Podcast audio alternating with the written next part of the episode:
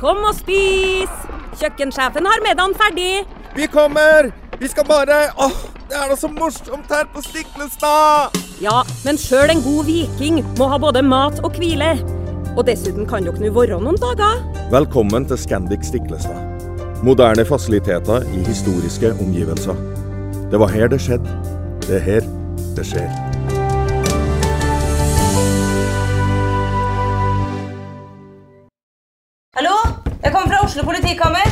Ine Jansen er purk. Er du purk? The motherfucking bitch. Alt jeg vil, er å finne ut hva som skjedde med mannen min. Jon Carew. Er jeg sikta for noe? Iben Akeli. Det er du.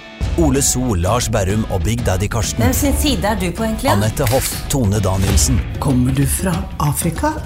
Jørnis Josef, Nesten kløfta. Trond Espen Seim, Det er synd å si det, men det var feil mann som døde. Purk. Se nå på TV2 Play.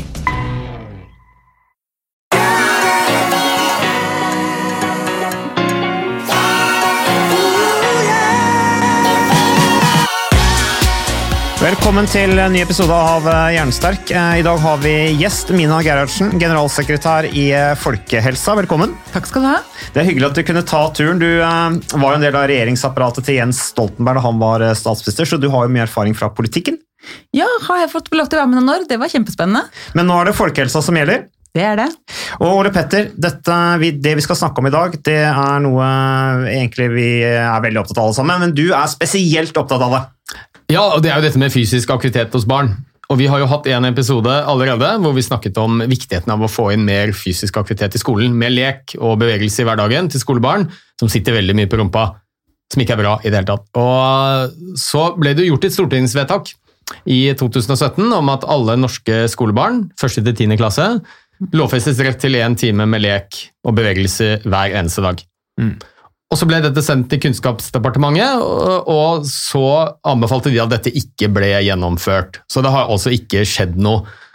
Og så er jo saken nå at nå foreslår regjeringen at man skal skrinlegge dette, altså legge den saken død, og mener at de da har gjort, de har gjort noen tiltak, forslag og anbefalinger til mer fysisk aktivitet i skolen, veldig lite forpliktende, som jeg tror ikke har noen uh, særlig effekt i det hele tatt. Da kommer vi til å ha de skolene som er, uh, har ildsjeler og er veldig engasjert i dette, de vil sette i gang med det, mens majoriteten av skolene kanskje vil bare fortsette å ha samme skole hver dag for barna, sånn som de har det i dag, hvor de sitter mye stille. Som kanskje skaper enda større sosiale forskjeller i helse. Så dette er en sak jeg fyrer meg litt eh, oppover. Ja, Du er veldig hissig nå, Ole Petter. Eh, Ja, nå er jeg, nå er jeg sint. Ja. Jeg, jeg blir ikke så ofte det, men jeg tenker også at vi har et, kanskje et av de største globale folkehelseproblemene vi har. Det er inaktivitet, overvekt og fedme. Og Norge er ikke noe annerledes. Vi har 75% av befolkningen som er definert som inaktive. Møter ikke myndighetenes anbefaling om bevegelse. Ja, voksne. Men barn også, norske barn beveger seg mye mindre enn det de har godt av. Det er ikke bra for helsa deres. I tillegg så er det jo et gedigent samfunnsøkonomisk problem. Fordi i kjølvannet av inaktivitet og overvekt så følger det en rekke sykdommer. Kroniske livsstilssykdommer som er kjempedyre. Bare for å sette det litt sånn i perspektiv. eh, Man har estimert at hvis alle nordmenn, voksne, beveget seg 150 minutter i uka, så kunne vi spare i størrelsesorden 240 milliarder kroner hvert eneste år. Så her har vi to utfordringer. Det ene er jo for barna, kanskje aller viktigste. Helsa deres blir påvirket negativt ved at de beveger seg for lite. Da snakker vi om fysisk helse, overvekt, dårlig fysisk form, mer plager senere i livet. Vi snakker om mental helse. Bevegelse for barn, det er, det er barns jobb, det. Det er sånn de utvikler seg fysisk og mentalt, sosial kompetanse, og ikke minst så er bevegelse viktig for læring, som er skolens hovedarena. Og til tross for alt det vi vet i dag om hvor viktig det er med bevegelse, spesielt for barn, så velger altså Stortinget å ikke, sannsynligvis, å ikke gjøre noe som helst med dette vedtaket. Så Mina, eh, først og fremst så er det veldig hyggelig at du kunne være her, i og med at du er, liksom, du er sjefen på en måte for folkehelsa. Eh, Blir det litt drøyt å si, kanskje? Eh, hvordan, er, hvordan er folkehelsa nå? I Norge så går det jo bedre, stadig bedre. Det er flere som lever lenger. Det er jo den viktigste indikatoren vi har på at det går rett vei. Men samtidig så har jo vi mye unødvendig sykdom. Så ni av ti eh, helsekroner og det at folk blir syke og ikke kan jobbe, og noen dør for tidlig, det er ikke-smittsomme sykdommer. Ni av ti helsekroner. Ja. Det går til eh, livsstilsrelaterte sykdommer, så det betyr at vi har mye vi kan gjøre noe med. Det, Hvor mye, unnskyld at jeg avbrøt med, hvor mye penger blir det sånn cirka? Uh, har du noe totalsum her? det tør jeg ikke si. Nei, okay. ok, så vi snakker noen milliarder. Men det er liksom 90% av sykdomsbyrden i Norge er ikke-smittsomme sykdommer. Det handler om eh, røyking, alkohol, fysisk aktivitet og kosthold. Så hvis vi klarer å gjøre noe med de fire tingene, så har vi store gevinster som venter på oss. Ja, for jeg har jo liksom lekt med litt sånn, jeg har jo hørt noen tall og påstander og sånne ting, og jeg har liksom moderert meg litt da. Eh, Men når du sier ni av ti helsekroner Så 90% av sykdomsbyrden i Norge, eller 87 for å være helt presis, er ikke-smittsomme sykdommer. ja. Og det er sykdommer som er relatert til eh, levevanene våre. mm. Det er klart at Du kan gjøre alt riktig og likevel bli syk, så det er ikke sånn at eh, de som blir syke, har gjort dårlige helsevalg hele livet. Men det er påvirker risikofaktorene. og Det betyr at det er veldig mye vi kan gjøre for å få ned sykdomsbyrden i Norge. Og det er jo nettopp det å starte med ungene våre, sunne, gode vaner fra start, vil jo være en kjempeinvestering i folkehelsa i framtiden. Ja, for jeg har jo, eh, jeg følger deg på Twitter og, og eh, vet jo hvem du er, og eh, og nå kommer dette da, de, de snudde på dette vedtaket som er gjort, som jo var veldig fornuftig rundt å implementere mer fysisk aktivitet på skolen, som jo Ole Petter også kom med gode begrunnelser for hvorfor man skal gjøre. Uh, Men dette her er jo et politisk spill, regner jeg med, uh, og du har jo jobbet i politikken. Hvorfor skjer dette? Vi er veldig skuffa, må si det først. For nå har vi venta i tre år på at det skulle skje noe. Vi var jo kjempeglade for det vedtaket i 2017 om at nå skal det bli en rett for alle å få fysisk en time om dagen. Og så har vi sittet på høring etter høring og sagt at nå må det komme i gang med innføringa. Og så får vi isteden et forslag fra regjeringen nå til statsbudsjett om å avlyse hele ambisjonen isteden. Og det de har gjort, eh, som de mener er å ha gjort jobben, er å lage eh, et program som heter Barn og unge bevegelse, som er en veileder. Og det er topp med veiledning og informasjon og inspirasjon, men det løser ikke den utfordringen vi har, som Ole Petter Gjelle nå snakker om, med at eh, norske barn og unge beveger seg altfor lite. For så lenge det ikke er et krav om at denne timen skal på plass på alle skoler hver dag, så skjer det ikke. Da blir det opp til den enkelte skole og den enkelte lærer, og det blir helt tilfeldig om barn får et sånt tilbud eller ikke. Og det er ikke godt nok. Veiledninger er jo veldig hyggelig, da. Det er veldig fint med veiledning, men her trengs det krav, og det trengs penger. Og Hva tenker du om dette? Altså, du har allerede sagt ditt, Ole Petter, men, eh, Jeg har med på hjertet, jeg. Ja, hva er, det, hva er det du skal si nå? Nei, Jeg pleier å sammenligne det litt med røyking. Ja, da. Det er jo også, har vært i fall, et stort folkehelseproblem. og Er det jo fortsatt, men det er langt færre som røyker i dag. Og det er veldig bra. Det gjør noe med helsa vår. Og um, det har jo vært inaktivitet, som jo 75% av befolkningen har, også veldig mange barn, er like farlig som å røyke. Og så vet vi at det er 75% av befolkningen da, som er inaktive. Tenk deg om vi hadde hatt 75% av befolkningen som røykte. Da ville myndighetene satt i verk tiltak, lovtiltak. Og det gjorde vi jo i 2004. Da var det noen og 30 av befolkningen som røykte. Og da hadde vi også veldig mange veiledere som fortalte folk hvor farlig det var å røyke.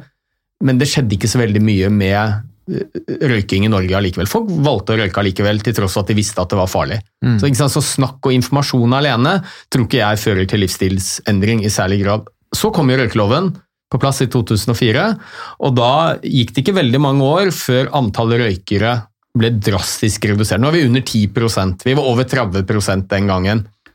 Og Det var jo masse motstand mot denne loven. Mange mente jo at hele utelivsbransjen kom til å gå. Da undas, og folk kom til å miste jobben, og valgfrihet ble borte. Det har vært en kjempesuksess. Så jeg mener jo det at hvis du virkelig skal gjøre noe for folkehelsa i Norge, så er det viktig å starte med barn. Gode vaner dannes tidlig i livet. Og tenk deg noe så enkelt som å få barn til å bevege seg. Det er jo ikke snakk om å tvinge de til å gjøre det, det er bare la de få lov. Det er det de gjør helt naturlig. Det er kodet inn i genene deres. Så det er helt naturlig for barn, og det er viktig for barn å få lov til å bevege seg mer. Så vi må legge forholdene Ja, Barn syns det er kjedelig å sitte. ja, ikke sant? Og så får vi en formidabel gevinst for det enkelte barnet. Fysisk helse, mental helse, læringsevner. men kanskje vel så viktig er jo samfunnsøkonomien. Fordi de kostnadene som vi påløper oss nå over tid, det er jo gjerne som kommer i kjølvannet av sykdommer som i stor grad er livsstilsbaserte. Ikke sant? Det er hjerte-karsykdommer, diabetes type 2 osv. Og, og de fleste av de kan forebygges. Og beste måten å forebygge det på, er jo å starte tidlig og ha et sunt levesett. Starte med barn. Aktive barn blir gjerne aktive voksne. Så jeg tenker at rent samfunnsøkonomisk så er dette viktig også. Det er jo positivt at vi lever lenger, men baksiden er jo at de sykdommene som eh, vi i dag får, de lever vi ofte veldig lenge med, de er kroniske, og de er dyre samfunnsøkonomisk. Men Mina, er det fordi at uh, man tenker at barn beveger seg nok allikevel, eller hva, hvorfor har man gått tilbake på dette vedtaket? Er det manglende bevissthet om uh, viktigheten av fysisk aktivitet i barns alder uh, på politisk nivå? Hva tenker du om det? Jeg kan svare på det straks, men kan jeg få lov til å si en ting om røykeloven først? Gjør det. For Jeg er veldig glad for at du tar opp den, for det handler nettopp om å tørre å gjøre de litt store og modige tingene. Og det er helt riktig at i 2004 så kom den jo på uteliv, men røykeloven kom jo lenge før. Ja da, På 70-tallet vel? Nei, vi er på slutten av 80-tallet, 90-tallet. Ja. Moren min var helseminister, Tove Strand, mm. og var den som fikk det i gang. Og da, da var jo det en helt revolusjonerende tanke at man kunne ha røykelov. Hun sto i Dagsrevyen og debatterte med helsedirektøren, som var mot røykeforbud. Så det var jo en veldig rar diskusjon, men da var nettopp det, da turte man å gjøre noen store, modige ting, fordi det var så viktig å få på plass. Og det er den samme motor på et vis trenger nå. For er jo, alle er jo enige om at ungene våre trenger mer bevegelse. Eh, og man ser at det er forskjeller, eh, man ser at det er sosiale forskjeller, og hvilket hjem du kommer fra, avhenger av om du er med på organisert fritidsaktivitet eller ikke. Og hvor mye foreldrene dine trener, avgjør om du beveger deg mye. Så det er kjempeskjevt, og alle ser det. Og godordene om fysisk aktivitet de kommer fra alle kanter. Så det er ikke der uenigheten står. Men når forslaget nå som vi eh, prøver å kjempe for, blir borte fra bordet, så handler det om en diskusjon innad i skolen med at man ikke, eh, Og det skjønner jeg, den at skolen skal løse alt. Det er veldig mange som vil ha ting inn i skolen. Mm. Men her har vi jo en sak der det er så mange gevinster. Det er ikke sånn at dette er noe annet enn det skolen skal drive med, for dette her gjør jo også at skolens oppdrag løses bedre. Man lærer bedre hvis man er i bedre form og har fått brukt beina litt i friminuttet. Og læringsmiljø og trivsel blir bedre. Mm. Så det er en tillegg til at eh, skolen har et eh, allmennansvar for oss, det er den viktigste fellesarenaen for barn og unge. Eh, så er jo dette også noe som forsterker positivt hovedoppgaven til skolen, som er læring. Så det er liksom vinn-vinn-vinn, dette her. Mm. Men skolen, det er skolefolk som er kritiske. Føler at det er for mye som skal inn, at det blir temapress, tidspress. Og det er jo argumentet man skal ta på alvor. Mm. Samtidig så ser vi at dette er fullt løsbart, fordi det er mange skoler som er i gang. Og det finnes mange ulike modeller. Eh, noen har jo tatt en fem minutter her og der av ulike timer. Noen putter det inn i timene og hopper matte og engelsk. Eh, og noen samarbeider med idretten og har aktivitetsledere som er ute i skolene. Så mm. masse ulike løsninger. Og der tror jeg vi skal være helt åpne for at det er mange ulike løsninger som er gode. Men poenget er at du må ha et nasjonalt krav for at alle skal få en eller annen versjon av disse løsningene. Mm. Og så trengs det noe penger for å få til opplæring og tilrettelegging utover da denne veilederen som nå er på plass.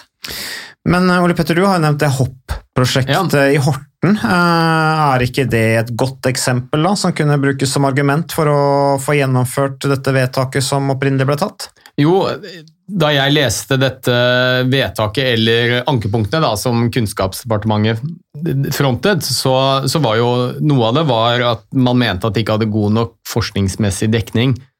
Dette her med fysisk aktivitet og barn og skole, at koblingen der er viktig.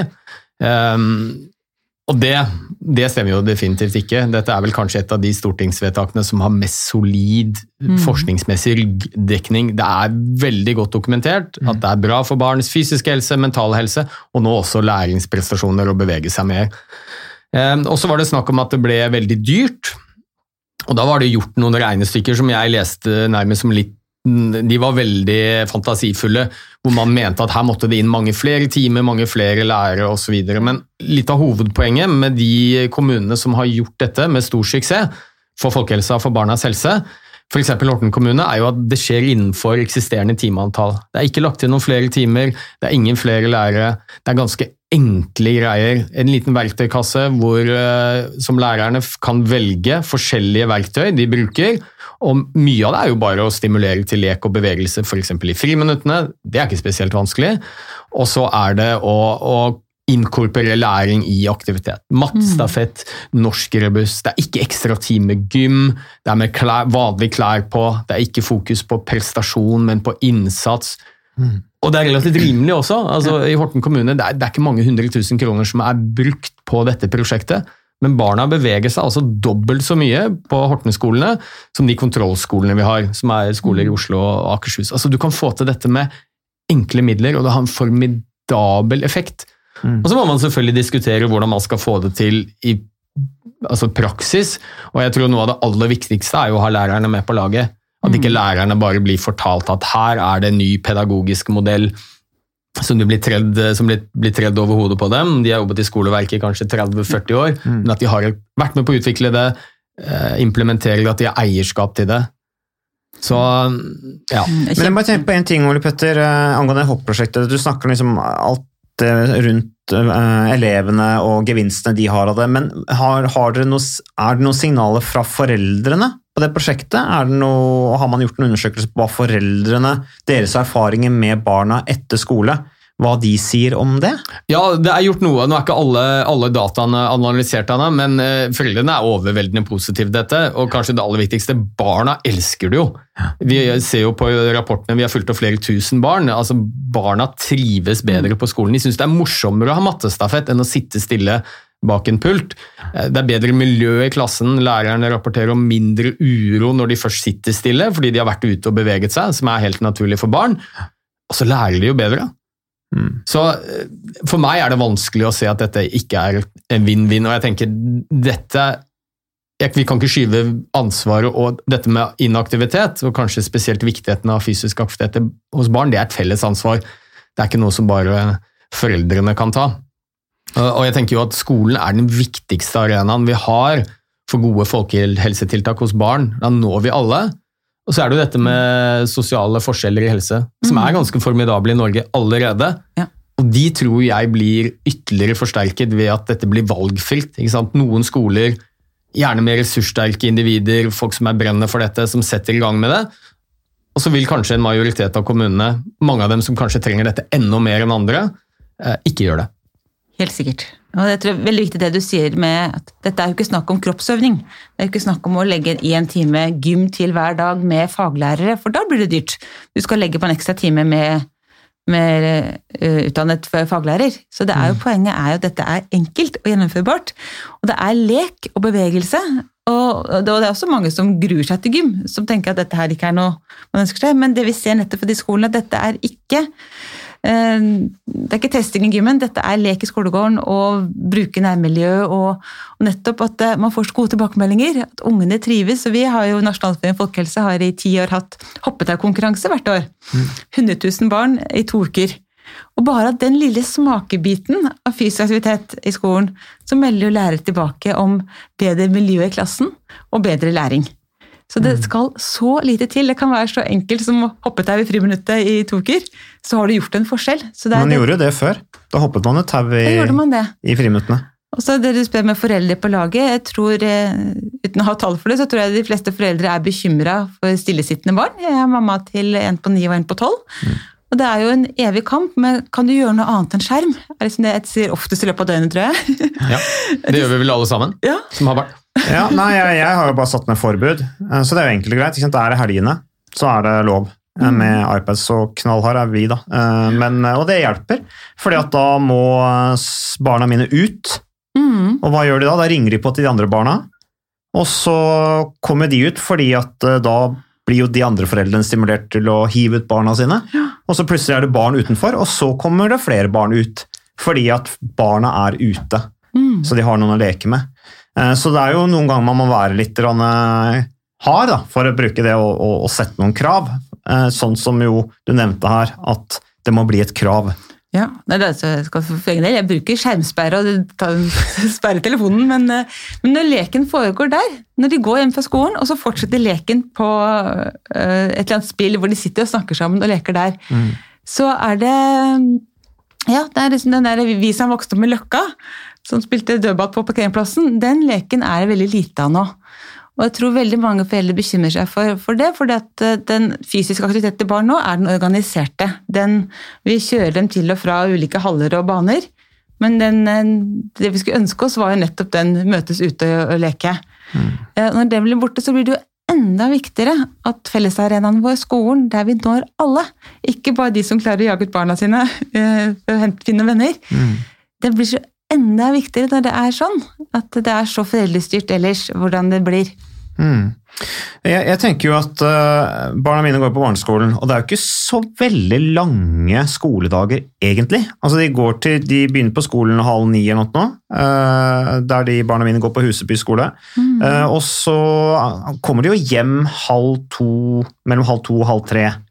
Eh, og foreldrene er jo gjerne ikke hjemme fra jobb før fire-fem, med reisevei og de tinga der. Mm. Så da har de jo på en måte en periode hvor de er hjemme og egentlig ikke gjør noen ting. Eh, og så er det jo da å komme seg Da er det jo én lekser skal gjøres, og så er det jo dette her med, med fysisk aktivitet. det er jo idretten, da. Eh, som, som, tar seg av det. og det er, jo, det er, jo, logisk at ikke alle foreldre har et forhold til idretten og tar mm. barna sine til idretten. Eh, og Da faller jo de med en gang utenfor. og Hvis, de da ikke er, hvis de da ikke har drevet noen fysisk aktivitet, så sier det seg jo selv da at barna blir i dårlig fysisk form hvis foreldrene ikke har et bevisst forhold til det. Eh, men hva er det det skorter på da hos politikerne? Er det utdanningsmyndighetene, eller er, det, er det, lærerne, eller er det, er, det, det, økonomien som er problemet her? Hva, hva, er egentlig årsaken til at man går bort fra så vedtak som man er enige om at er så lurt? For det er jo, det er jo bare helt logisk, etter min mening i hvert fall. Ja, jeg syns det er et mysterium. Som uh, Ole Petter sier, det er usedvanlig god dokumentasjon for dette er lurt. Uh, altså det er jo, jeg håper at politikere ofte vet hva de gjør, men her har vi så mye kunnskap om at dette er viktig og riktig. Så når man går bort fra det, så lurer jeg jo veldig på hva som har skjedd på bakrommet. For her hadde vi flertall. Mm. Uh, inntil nylig. Så det vi må jobbe med nå, vi som jobber med politikk, er jo å prøve å få de gode kreftene tilbake og lage et nytt flertall. Når, når regjeringen prøver å true denne ambisjonen. Fordi det er jo Vi veit at det trengs, vi veit at det er bra eh, for folkehelsa i framtid, men her og nå også for de barna som er med. Så da er det jo Det er jo et valg til neste år. Så da må man jo jobbe der, da, hvis vi ikke klarer å vinne denne runden. Men er det Guri Melby da, som er uh, utdanningsminister? Er som er sjefen Melby. for dette her? Ja, hun er den som har valgt dette. Men mm. Det er hun som har bestemt at dette lar vi være å gjøre, og så tar vi heller lage en brosjyre til inspirasjon. Det er sikkert en nettside. Mm. Men uh, hun peker da på metodefrihet i skolen, at det er så viktig, og vi skal ikke overkjøre skolen. og vi ser at Det er fortsatt mulig for de som vil gjøre dette, og det er det. Men da får vi det ikke til. Da blir det noen, uh, og kanskje også da de skolene som hvor det allerede er ressurssterke foreldre rundt som kan presse på for dette her, og som kan også tillegg aktivisere barna sine ellers. Så de store sosiale skjevhetene vi har i Norge, vil jo da forsterkes ytterligere. Så det å skjønne at vi økonomiske forskjeller i Norge vokser, det er bekymringsfullt på så mange vis, men det går også utover helsa vår. Og da må vi i hvert fall bruke de fellesarenaene vi har, der vi når alle, for å prøve å i hvert fall korrigere litt. Demme opp litt for de skjevhetene vi skaper utenom skolen. Hmm. Hm. Uh, vi snakket om lærere. Uh, jeg har uh, Tom Nordli, vet dere hvem er? Det er fotball, han er fotballtrener. Han er jo utdannet på idrettsskolen, er jo faktisk utdannet gymlærer også. Har jo tatt pedagogikk og jobber med ledere og fyrverkeri av en type. Jeg har snakket med han rundt dette praktiske i forhold til å gjennomføre mer fysisk aktivitet, hvilke erfaringer han har på det. Vi kan høre på det. Tom eh, Nordli, hyggelig at du kunne være med på, på podkasten Hjernesterk. Du er jo mest alt kjent som uh, fotballtrener. Trent mye topplag i Eliteserien, både for herrer og damer. Men en litt annen side av deg som jeg oppdaga gjennom Twitter, det er jo at du brenner jo også veldig for dette med folkehelse. Og så spurte jeg meg litt rundt på det, for jeg oppdaga det. Jeg spurte disse fotballekspertene i TV 2 og så videre, så sa jeg ja, Tom Nordli han er jo gymlærer, han, uh, sa de. Uh, og uh, så jeg skjønner jo at dette her er noe du brenner for. Du har også vært i debatt med Erna Solberg om temaet. Men du har jo engasjert deg eh, særlig på Twitter rundt dette som nå har kommet med det vedtaket, eh, eller at regjeringen går går bort fra det vedtaket som ble tatt rundt eh, fysisk aktivitet. Og hva er din mening om det? Først og fremst er det ikke så rart at ikke folk forbinder meg med gymlærer. For jeg var jo toppidrettsutøver en gang, Mats. Men når du veide 130 og sto sint på sidelinja, så er det ikke det alle tenkte på. Men jeg har jo nå kjempa for dette fra jeg begynte som lærer i 1987 og var det fram til midt på 90-tallet, så litt igjen i 2010, så har jeg opplevd at alle prosjekter på skolen så har man tatt av gymtimene. Så jeg har jo kjempa for dette hele tida. Og nå ble jeg så glad når det ble et vedtak da, at eh, det skulle være én time fysisk aktivitet i skolen. og Dette var jo jeg i media for i rundt 2010 og har kjempa for. Og nå ser jeg at liksom, de går bort fra det og bare anbefaler det. og Det er det samme som sier at da er det bare de med veldig indre motivasjon og flamme rundt det som kommer til å prøve å få det gjennomført. Og så er det et ressursspørsmål, og da er det samme som å si at dette blir ikke noe av. Så det, det blir jeg ganske forferdet over, Mats, faktisk. Altså, fordi nå i dag så opplever jeg at vi voksne enten ligger på sofaen for å se litt tabloid, eller er med i Birken. Og eh, toppidretts- eh, ungdom driver toppidrett eller sitter foran PC-en. Jeg savner den der vanlige aktiviteten for folkehelsens skyld, som folk tok seg en skitur og en gåtur i gamle dager. For nå er det så mange andre fristelser at det, det blir sånn klasseskille, føler jeg, med at eh, man er enten veldig veltrent eller ikke trent i det hele tatt. Og nå har jeg vel oppdaga for ti år siden så var det en undersøkelse som sa at vi veide fem til sju kilo mer enn for eh, 20 år siden i snitt, pluss at eh, vi løper litt minutt særlig når vi kommer til militæret enn det vi gjorde før på 3000. Så, så jeg er opptatt av folkehelsa, at man sparer en del penger i andre enden altså, enn det det ville koste å gjennomføre en time fysisk aktivitet i skolen, og jeg mener det er fullt mulig. Men Tom, eh, du skrev til meg eh, på en melding at eh, du hadde erfaring eh, fra et eh, prøveprosjekt som regjeringen Stoltenberg hadde på Kjenn ungdomsskole i 2007. Da for 8., 9. og 10. trinn, og sønnen din deltok på det. Hva, hva, hva kan du fortelle om det prosjektet? Ja, altså, om det var 2007 eller 2008, det husker jeg ikke helt, men han gikk i hvert fall på Kjenn ungdomsskole. Og det fikk et tilbud om Det var ikke spesifikt for eh, toppidrett eller for eh, den idretten du drev, men det var et allidrettstilbud med fysisk aktivitet en time før skolen begynte. Og så fikk de frokost i tillegg, og så hadde de anledning til leksehjelp etter skolen var ferdig. Det vil jo si at når, når de som ikke drev idrett, da, eh, gikk på skolen og, og kom hjem, så hadde de både eh, var ferdig trimma og trent, og de hadde gjort lekser og de hadde hatt skole. Og kunne bruke ettermiddagen eh, til andre ting. Og Læreren og rektor den gangen som jeg snakket med, sa jo at om det ikke var noe empirisk undersøkelse, opplevde de at konsentrasjonen til de som deltok, var mye bedre. Spesielt i de første skoletimene, for folk kom fra trening, ikke med en loff eller bagett og en cola i hånda og håret til alle kanter. Og så var det mindre mobbing. altså Man var annerledes mot hverandre, så man opplevde på en måte at man skapte litt endorfiner og, og selvtillit og, og helse gjennom det. Så, men det var jo et prøveprosjekt, så døde jo det ut. og Det er sikkert kostbart. Men jeg mener at det er fullt mulig å få til en time fysisk aktivitet hver dag i skolen. Altså det. Ukas annonsør det er eh, HelloFresh. Og eh, hvis du nå går inn på hellofresh.no og bruker koden 'fresh hjerne', så kan du få opptil 1779 kroner rabatt på da de fem første matkassene dine, hvis du ikke har prøvd HelloFresh enda. Og Ole Petter, vi er jo glad i HelloFresh i podkasten Hjernesterk, eh, selvfølgelig fordi at de er en annonsør. De er med og bidrar til å spre det glade ordet om fysisk aktivitet og god helse. Men i tillegg så har jo vi også nå lang erfaring med HelloFresh Fresh selv. Så vi må jo si at det har vært gode erfaringer til nå. Ja, absolutt. Visste du, Mats, at HelloFresh det er faktisk verdens ledende matkasseleverandør? Og tilbudene til HelloFresh gjør det enkelt å lage gode og varierte retter som skaper matglede.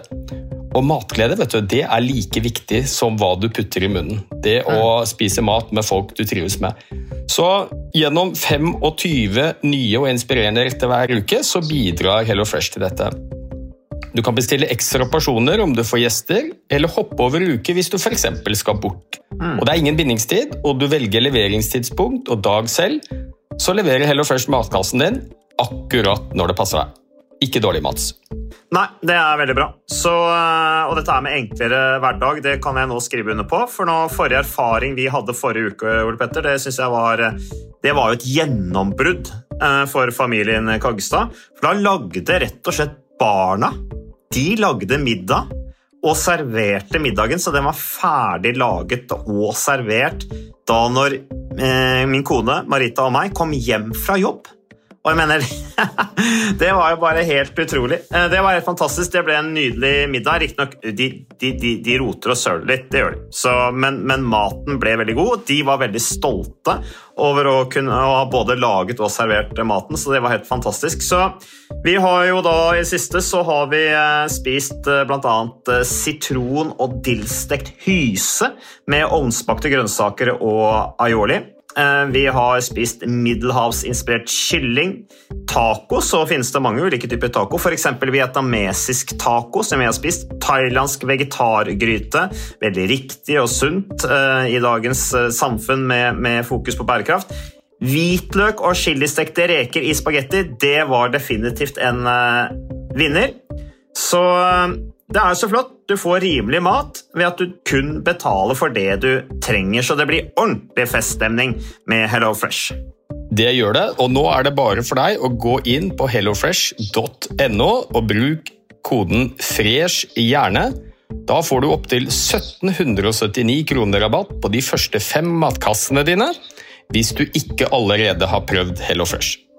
Du kan også bruke rabattkoden hvis du har stoppet abonnementet ditt for tolv måneder siden eller mer. Er det noe å lure på? Håper maten smaker godt. Bon appétit! Ja. Det, er, Jeg skulle nesten ønske ja. ja, det viser jo at skolen er en arena da, eh, for å kunne bidra til at folk holder seg i bedre form. Eh, Og det er jo interessant det du sier om konsentrasjonsevnen, og at også tilbakemeldingen var at det ble mindre mobbing. Sønnen din var med på det òg, var han ikke det? Jo, han var med på det, og han drev toppidrett i tillegg, da. Men altså, altså jeg, Men jeg opplevde, og det hvis jeg sammenligner når uh, sønnene mine drev toppidrett i svømming, og sykla til skolen klokka, eh, til trening klokka fem om morgenen, og trente og spiste sin andre frokost før skolen begynte, og trente gjennom kvelden og var oppe 20-30 treningstimer i uka. De var mer effektive i skolearbeidet da enn når de slutta. Fordi at eh, de brukte tida på en mye mer effektiv måte. Men jeg mener jo at i skolen i dag, da glemt toppidrett. Hvis man hadde gått én time eller halvannen time, to skoletimer lenger på skolen hver dag, da, en og en halv klokketime, så hadde du hatt tid til både trening og lekser. For nå er det såpass mye andre fritidssysler, og foreldre jobber til fire og fem, og det er middag, og det er venner, og det er trening for noen på ettermiddagstid. Så jeg mener det at du kunne fint fått inn det i skolen, men det er jo et ressursspørsmål. Men hvor mye er helse verdt? Mye er et liv verdt? I andre enden så tror jeg jeg hadde tjent masse penger på statsbudsjettet eh, i form av mindre sykdommer og livsstilssykdommer. Og jeg tror den alderen med skolealder Mats, er veldig viktig, for jeg tror at du lager noen vaner og rutiner sånn at man drar med seg det inn i voksen alder, og at det blir en naturlig del av livet å holde seg litt i form. Da. Ikke sånne ski- skippertak. Hvis du skal begynne med det når vi er voksne Jeg sjøl har jo vært toppidrettsutøver og slutta helt og veid 130 kg, så jeg har vært i begge ender av skalaen, for å si det sånn. Og nå er jeg vel mer midt imellom og går turer og hører på podkast og blant annet dere. Ja, du er definitivt bevisst, men, men det, som, det som også er interessant her, Tom, det er jo det at du er du, du har utdannelse, du er utdanna lærer, er det ikke sånn?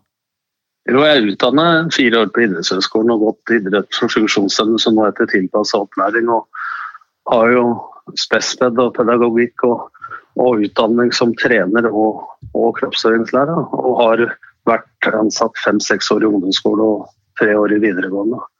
Og senest da et sånn strøår i 2010, det var en år jeg ikke var fotballtrener, som var tilbake igjen.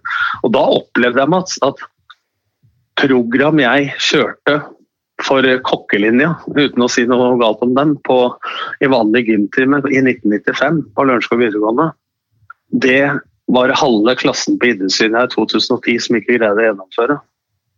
Det er ingen empirisk undersøkelse, men det er vel kanskje i kraft av et praktisk eksempel på at snittet har gått nedover på fysisk aktivitet. Men uh, i og med at du har vært lærer uh, selv, Tom, uh, og har praktisk erfaring med det yrket det, det, som, det, som, er motargumentene, eller som, det som jeg ser debatten ditt preges av, det er jo de lærerne som sier at dette her skal tross alt gjennomføres. Det er et økonomisk spørsmål, og så er det et praktisk spørsmål. Hva mener du er løsningen sånn rent praktisk for å kunne innføre mer fysisk aktivitet, altså som du har snakket om nå Eh, til nå i den samtalen vi har hatt på, på, i, i, skolen? Begynne en halvtime før, eller slutte en halvtime seinere. Et lengre storefri eh, midt på dagen. Altså, før så hadde vi fem minutter, fem minutter, ti minutter, friminutt mellom hver eh, time. Nå er jo undervisnings- eller barneskole i bolker, hvor de har et fag i to timer osv., og, så videre, og så er det en lengre pause. Så her er det bare fantasien som begrenser, egentlig. Og man bør liksom ikke ha toppidrettsanlegg for å få gjort det. Vi snakker om eh, core-trening, litt hjerte- og lungepåvirkning osv. Litt motorikk. Og man skal jo huske på også at den motoriske gullalderen hvor vi tilegner oss mest nye bevegelser, er mellom 8 og 12 år. Så det å få gjort mest mulig med folk som selv ikke skal drive idrett, har jo en utvikling på det rent eh, finkorn av ting, eh, osv. Og, og det er jo bevist også at det har innvirkning på det intellektuelle utviklinga. Mm. Altså, jeg tror alle mennesker trenger selvtillit fra en arena. Da. Og de som kanskje ikke henger så mye med i skolefaget, kanskje mester litt i det fysiske. Så jeg tror vi mennesker har nødt til å ha selvtillit på et eller annet eh, felt. Og for de folka som da sleit litt på skolen i gamle dager, men som hevda seg i gymmen, så fikk man både anerkjennelse i gjengen og man fikk litt selvtillit. og Det er grobunn for, å, eh, for oss å få selvtillit og utvikle seg med optimisme på andre felt Så Jeg tror dette har mange ringvirkninger, egentlig. altså. Det blir litt sånn når Ole Petter eh, Gjelle snakker om, eh, om dette med legeutdannelsen, uh, i forhold til at fysisk aktivitet ikke blir nevnt der. Kanskje bør det mer inn også i lærerutdannelsen, det med, med fysisk aktivitet, i forhold til helhet. Men Tom, tusen takk for praten. Bare en liten ting ja. til, Mats, hvis du har tid. Har tid. Når jeg så på Debatten på NRK, og Det snakka jeg med Mina Gerhardsen om også på Twitter, og hun fikk jo ikke tid sjøl heller. Men når man snakker om vekt og form, og man snakker i 45 minutter om sukkeravgifter og grensehandel osv., og, så videre, og ordet fysisk aktivitet ikke blir nevnt med ett ord i den debatten, da er vi litt på ville veier. Ja, det var Tom Nordli. Eh, artig å snakke med han. Han har mye på, på hjertet. Eh, Ole Petter eh, han bekrefter jo det du sier her, at eh, på dette prosjektet så sier han at barna, eller ungdommene, var mer konsentrert. Han sier jo også at inntrykket fra dette prosjektet, det de satt igjen med, var at det førte mindre mobbing, også sterkere selvfølelse blant elevene. Hvor mange sånne undersøkelser må man gjøre før det på en måte blir tatt på alvor at det er lurt å investere i, tenker du Ole Petter? Altså, dette er jo tatt på alvor. Altså, det er veldig godt dokumentert, og alle i fagmiljøene er jo veldig klar over dette. Men jeg vil jo gå så langt som å si at altså, det finnes jo ikke en politiker på Stortinget som ikke vet at fysisk aktivitet er viktig for barn. At norske barn beveger seg for lite. Skolen er kanskje den beste arenaen vi har. Eh, og dette er et utrolig viktig folkehelsetiltak. Så jeg tror det handler litt om som Ina sier, da, å tørre å ta de riktige avgjørelsene, selv om det er noen utfordringer forbundet med det, med interesseorganisasjoner og, og grupper som er imot. Altså, Vi må ikke la det perfekte bli den godes fiende. Jeg tror de aller fleste politikere vet det, at dette ville vært et riktig valg for barna, altså viktig for barna, men også for folkehelsa og samfunnsøkonomien. Så, så, jeg vil jo gå så langt og å si at de må være sitt ansvar bevisst jeg mener jo faktisk at dette er litt svik mot våre barn. Ja, da, at vi ikke blir fulgt opp dette viktige stortingsvedtaket. Jeg tror dette er faktisk det viktigste folkehelsetiltaket vi kan gjøre siden røykeloven. Og Mina, nå er du, du, er, du har ikke vært så lenge i jobben som generalsekretær for Folkehelsa. Eh, eh, og jeg må jo si at med de tallene som Ole Petter nevner her i begynnelsen, eh, med 75 ingen aktivitet Du sier selv at ni av ti helsekroner brukes på sykdommer som ikke er smittsomme, og mye av det kan forebygges, bl.a. med bedret eh, helseatferd. eh, Som jo også sikkert innebærer mosjon eh, og bedre kosthold. Så tenker jeg at du har jo en kjempeutfordring i jobben din, da. Som på en måte en av lederne innenfor folkehelse. Hvordan jobber du nå, etter dette vedtaket som du på en måte har fått litt i fleisen? I dag kom jeg rett fra høring på Stortinget til studio her. Vi hvor jeg nettopp framført det budskapet som vi diskuterer nå. At eh, vær så snill, ikke snu. Eh, Ungene våre, helsa våre, trenger denne timen hver dag. Eh, Og så er det jo en sak hvor vi som hun snakket om, dette er, alle er jo for. Så Jeg har jo også sendt et brev til alle helsepolitikerne og utdanningspolitikerne på Stortinget i dag på vegne av Nasjonalforeningen for folkehelse, men da har vi med oss jo Legeforeningen, Sykepleierforbundet og Idretten og Kreftforeningen og en rekke andre store, tunge kunnskapsorganisasjoner. For å vise at alle er for dette. Dette er viktig for helsa vår. Det, vi kan liksom ikke redusere det til en diskusjon om skolepolitikk og liksom pengebruk eh, inn i skolen, for dette er, vi må klare å løfte det litt grann, som et løftet mye, mm. som et stort samfunnsspørsmål og investering i folkehelsa vår. Både med de menneskelige og de økonomiske kostnadene det har at vi har så mye uhelse som vi har. Så det er jo det å klare å ikke bare se på den ene posten i budsjettet, men her må vi tørre å investere i framtida, og det å investere i at ungene våre får nok bevegelse, det er en kjempeinvestering. Og, og alle de som ser hindrene, de må se på mulighetene. Og det som gjør meg optimistisk her, er jo både kunnskapen vi har, all forskning vi har, men også at det er såpass mange som er i gang. Så vi kan jo peke på Stavanger eller Drammen eller Horten som du snakker om, og si dette er fullt mulig.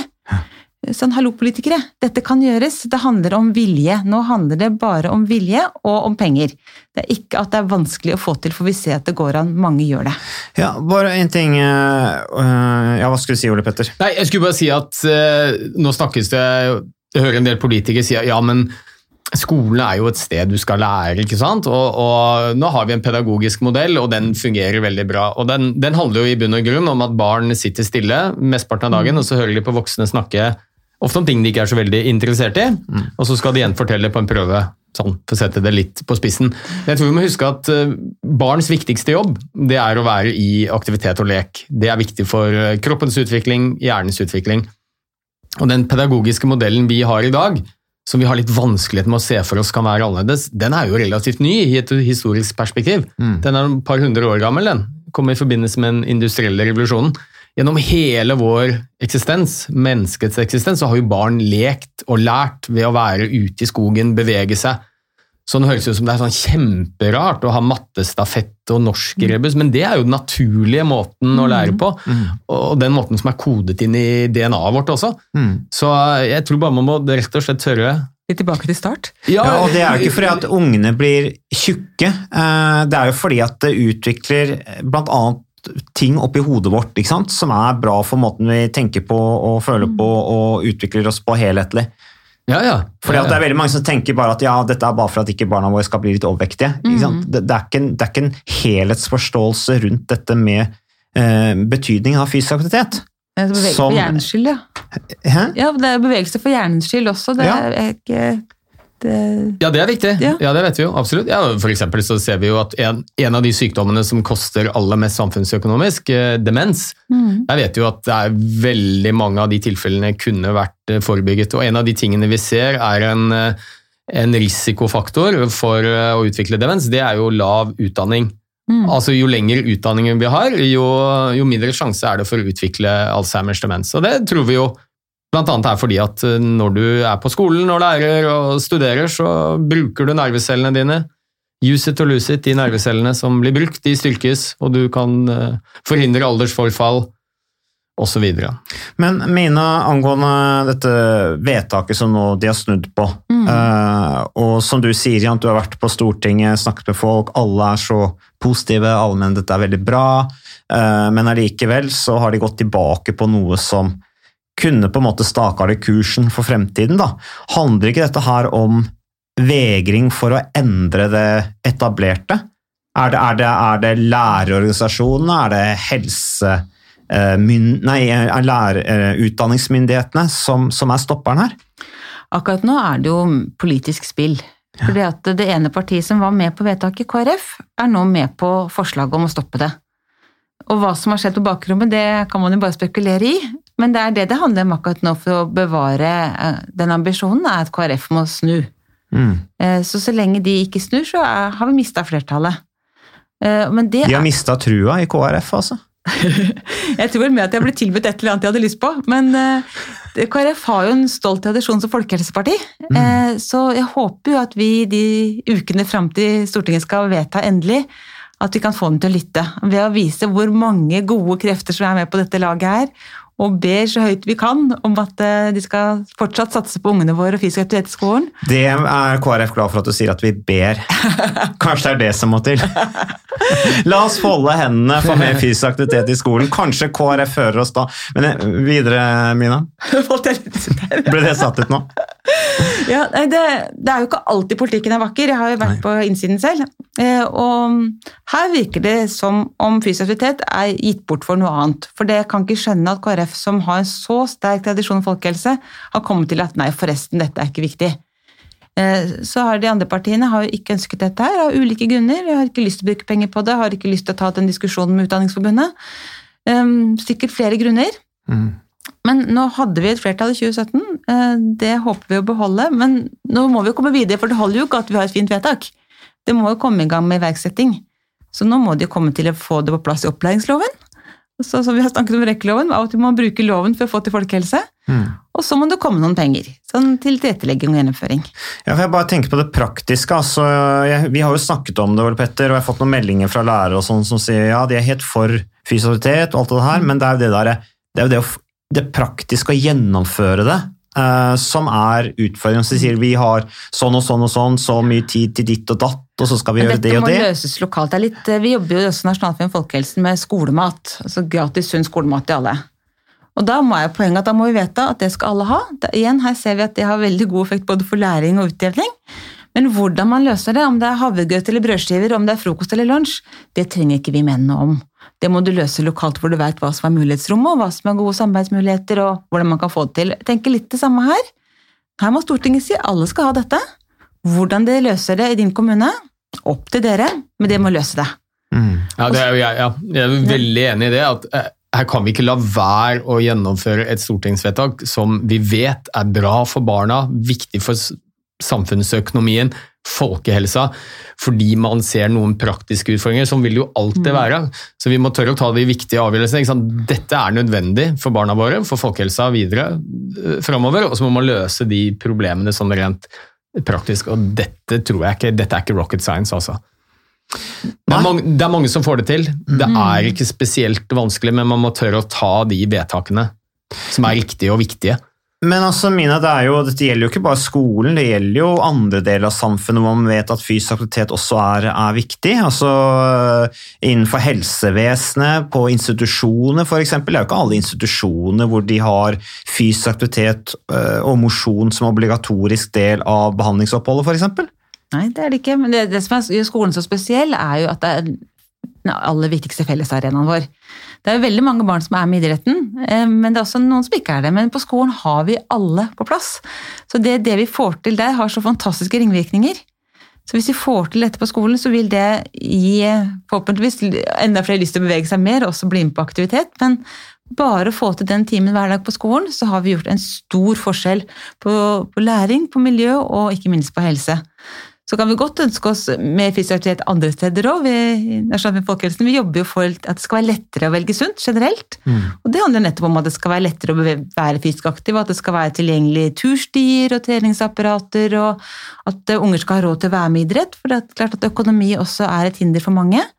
Så vi må jobbe med tilrettelegging på mange områder, men her har vi en suveren arena hvor alle er. Så vi må bruke den. Ja, Så er det jo litt spesielt, for her snakker vi om barn, og vi har jo veldig mye lovgivning eh, når det gjelder barn. Altså hva barn ikke har lov til, f.eks. Røyking og alkohol. og Så, så det blir litt å snu det på hodet, for jeg tenker jo det vi egentlig gjør her, er jo at vi voksne gjør det vanskelig for barn å utøve det som er helt naturlig for dem, og som er biologisk viktig for utvikling og for læring. Så det er jo det er jo ikke sånn at vi skal prøve å påvirke barna og motivere dem til å bevege seg mer. Det er jo bare å legge forholdene til rette, så gjør jo barn dette. Dette er helt naturlig og viktig for dem. Så vi har jo laget en skole som jeg pleier å si at nærmest avsystematiserer viktigheten av å være i bevegelse. Dette er dette barn naturlig gjør og ønsker å gjøre. Og da mener jeg da skal ikke vi voksne stå i veien for det, fordi vi mener det er noen praktiske problemer med, ut, med hvordan vi skal gjennomføre dette. Dette er ikke spesielt vanskelig å få til.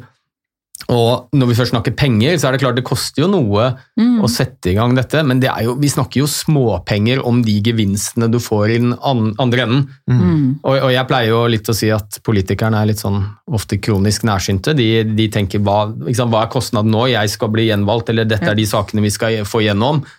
Og så tenker man ikke 20-30 år fram i tid. For da er man sannsynligvis ikke på Stortinget lenger. Og, det, og det er jo litt sånn menneskelig Hjernen er jo også sånn at vi er mer opptatt av det som skjer nå, altså gevinst nå, enn en kanskje enda større potensiell gevinst i framtiden. Og Sånn er vel kanskje politikeren også, at her er det et politisk spill, og hvis vi sier nei til dette, så er det noe annet vi får nå. Mm. Og så glemmer man liksom de store konsekvensene av eh, det å ha en veldig stor andel av norske barn som blir mindre og mindre aktive, får høyere og høyere vekt, og hva det gjør med både barnas helse og samfunnsøkonomien. Ja, for det der å begynne tidlig, som også Tom Nordli sier, mm. sant? og som alle er enige om at det er da du legger grunnlaget. Eh, Det er liksom motoriske gullalderen eh, i forhold til dette med mobbing og psykisk helse, og i det hele tatt det å komme robust opp i voksenlivet fysisk, som gjør at du tåler mer motstand eh, eh, når, når du virkelig begynner å dra seg til med utfordringer som voksen. Eh, Det må jo være et veldig godt poeng her, men handler ikke dette her bare om at det bare slett ikke er tro på det? Altså at man egentlig ikke, egentlig ikke helt skjønner gevinsten av fysisk aktivitet? At det ikke sitter dypt nok? Det kan være at det er behov for enda mer opplysning, som du nevner nå om dette med psykisk helse. Det er jo veldig mange opptatt av. Mm. Men det er kanskje ikke godt nok kjent at det best dokumenterte tiltaket er jo nettopp aktivitet, fysisk aktivitet. Så når eh, vi ser hva er det aller viktigste vi kan gjøre i skolen for bedre psykisk helse, så er også svaret her fysisk aktivitet. Ja, for det er jo mange som tenker at ja, å nei, med gym det fører til dårlig psykisk helse, for da er det noen som er dårlige, og så blir de mobba. Er ikke det litt sånn typisk holdning? Det er nok noen misforståelse om det vi snakker om her er mer gym. Og det fins nok av de som har et dårlig forhold til gym. Mm. For det er testing, og det er konkurranse og prestasjon og press, og det er det jo mange som syns at det kan bli for mye. Og særlig hvis du er i dårlig form, så er det noe å grue seg til. Og at fysisk aktivitet handler om, skulle, eh, om hvordan du presenteres, ja. utseende osv. Ja. At mange også assosierer all fysisk aktivitet til det. Men det vi snakker om her, er jo det Ole Petter viser til, at den naturlige bevegelsen, altså få, få rom for leken og bevegelsen, det å bruke kroppen og være i aktivitet, og få egentlig hente det tilbake igjen, for det at vi bruker kroppen så lite nå. Det gjelder jo oss voksne òg. at eh, Vi har jo funnet så mange tekniske muligheter for å slippe å bevege oss eller forbrenne kalorier. Eh, Så vi har jo fjernkontroller og rulletrapper og kjører bilen til treningssenteret hvis vi skal dit. og Og klart at eh, hvis man, fra som man er liten av, eh, lærer seg å ikke bevege seg, eh, så er det mye vanskeligere å komme i gang.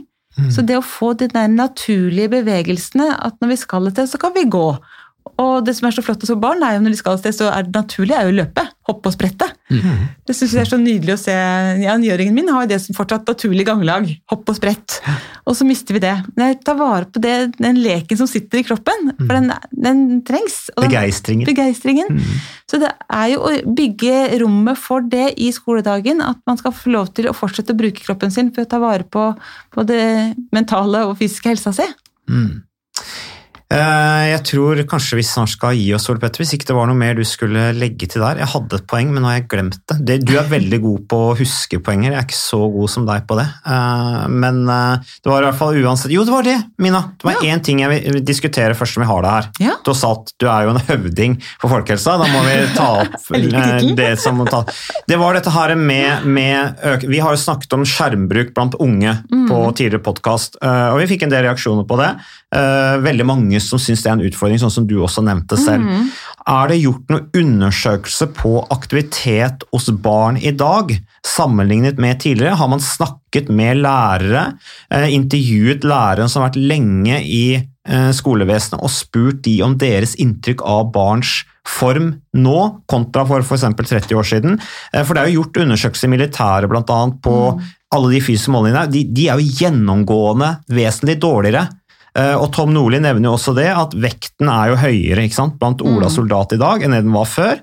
Eh, Så de, de står dårligere rusta hvis det er, blir krig. Rett og slett. Trøsten er vel kanskje at de skal krige mot, sannsynligvis er i like dårlig form, da. Ja, Hva skal du si? Nei, nei, bare la Mina svare. Ja, hva, hva, hva ja, tenker du om det? Vi har noe forskning, men skulle veldig gjerne hatt mye mer. Eh, Så vi har jo noe forskning som viser nedgang i bevegelse. At eh, barn og unge beveger seg stadig mindre. Og så har det jo vært en vektøkning. Den eh, ser ut til å ha stoppet opp noe eh, blant eh, barn og unge, men det, det har jo vært markant økning der. Men jeg skulle gjerne hatt mer norske barn, altså de som ser mest på internett i Europa. Så vi har jo en veldig høy skjermbruk, og fått mer studier på nettopp sammenhengen mellom tidsbruk skjerm og tidsbruk fysisk aktivitet, og om vi kan koble det, det er jeg veldig nysgjerrig på. Men eh, altså, det er mye bra på den skjermbruken nå, og skolene er kjempeflinke på å bruke det til tilrettelagt undervisning, og det er ikke sånn at all skjermbruk er negativ, men hvis det blir veldig mange timer mer på skjerm istedenfor å bruke kroppen, så er det jo grunn til å tro at det går utover helsa. Men det skulle jeg gjerne sett mer forskning på, for det har vi ikke. Ja. Og det har jo vi snakket om, Ole Petter. også. Du er jo ganske tydelig på det. Ja, vi har snakket mye om det. Jeg tenkte bare skulle si, eh, kanskje avslutningsvis, da, at eh, når vi eh, undersøker barn og unges helse i Norge, så er det sånne ungdataundersøkelser som er veldig fine, hvor titusenvis av norske ungdommer blir stilt en rekke spørsmål om helsa si og hvordan de har det. ikke sant? Trives du med, hjemme med mamma og pappa? Har du gode venner? Eh, hvordan er det med Liker du deg på skolen? Blir du mobbet? Hvor mye bruker du skjerm? Hvor mye sover du? Altså, Ta pulsen på sant, hele helsa til barn og unge. Og da er det jo veldig mange piler som peker i riktig retning. Eh, De aller fleste norske barn har det bra både hjemme og på skolen. De har venner. Mm. Eh, Det er mindre kriminalitet, mindre rusmisbruk blant unge i dag enn det var for 10-15 år siden. Men så er det to piler som går i gal retning. Eh, Og det ene, det er jo vekt. Sant? Det er Gradvis økning i vekt. Mm. Og med det så følger gradvis reduksjon i fysisk form. Og vi vet jo f.eks. at det med oksygenopptak, som vi ofte tenker på som en sånn, sånn fancy mål for eh, menn på min alder som skal gå Birken eller toppidrettsutøvere, det er faktisk det viktigste målbare parameteret vi har, som kan si noe om sannsynlighet for å utvikle sykdom senere i livet. Ikke sant? Kort fortalt, jo bedre kondisjon du har, målt med maksimalt oksygenopptak, jo mindre sannsynlig er det at du blir syk senere i livet, og du lever lenger. Eh, og det har jo gått ned. Og den andre pilen som går i litt gal retning, det er jo dette med kall det lettere psykiske utfordringer, problemer. Ikke nødvendigvis depresjon, men nedstemthet, trives dårlig, får ikke dagene helt til å gå opp, lav selvfølelse osv. Og, og da vet vi jo at eh, inaktivitet er faktisk den viktigste risikofaktoren vi har for å utvikle lettere mentale lidelser, og også depresjon. Mm. Ja, så- altså Inaktivitet er, er faktisk det ene, altså den ene faktoren da, som vi virkelig kan påvirke, som i størst grad vil gjøre det mindre sannsynlig at vi utvikler disse mentale utfordringene og lidelsene, som er et stort folkehelseproblem. Hviler vi oss for mye på idretten til å ta det ansvaret for folkehelsa, Mina? Det er mange som tenker at det at unger skal bevege seg er et privat ansvar. At det må foreldre ordne opp i og nettopp melde på barna sine i fotballen eller eh, skiforeninga. Eh, og da, da går vi tilbake til at da løses det av de som er ressurssterke, og så er det andre som ikke får være med.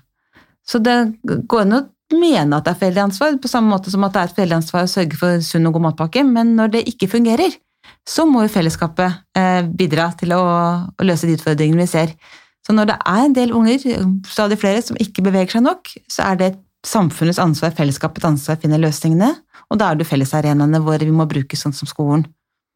Hvis ikke så blir prisen veldig høy i fremtiden, antar vi. Så Mina, tusen takk for at du kunne komme på podkasten Hjernesterk. Eh, takk til deg også, Ole Petter. Ja, takk du for er jo som vanlig med. Altid med. Så eh, vi er tilbake med mer, og Mina, vi kommer helt sikkert til å ta kontakt med deg, høre hvordan det går, for å få en sånn sekundering på folkehelsa. Tusen takk. Takk for at du kunne være med. Takk, takk.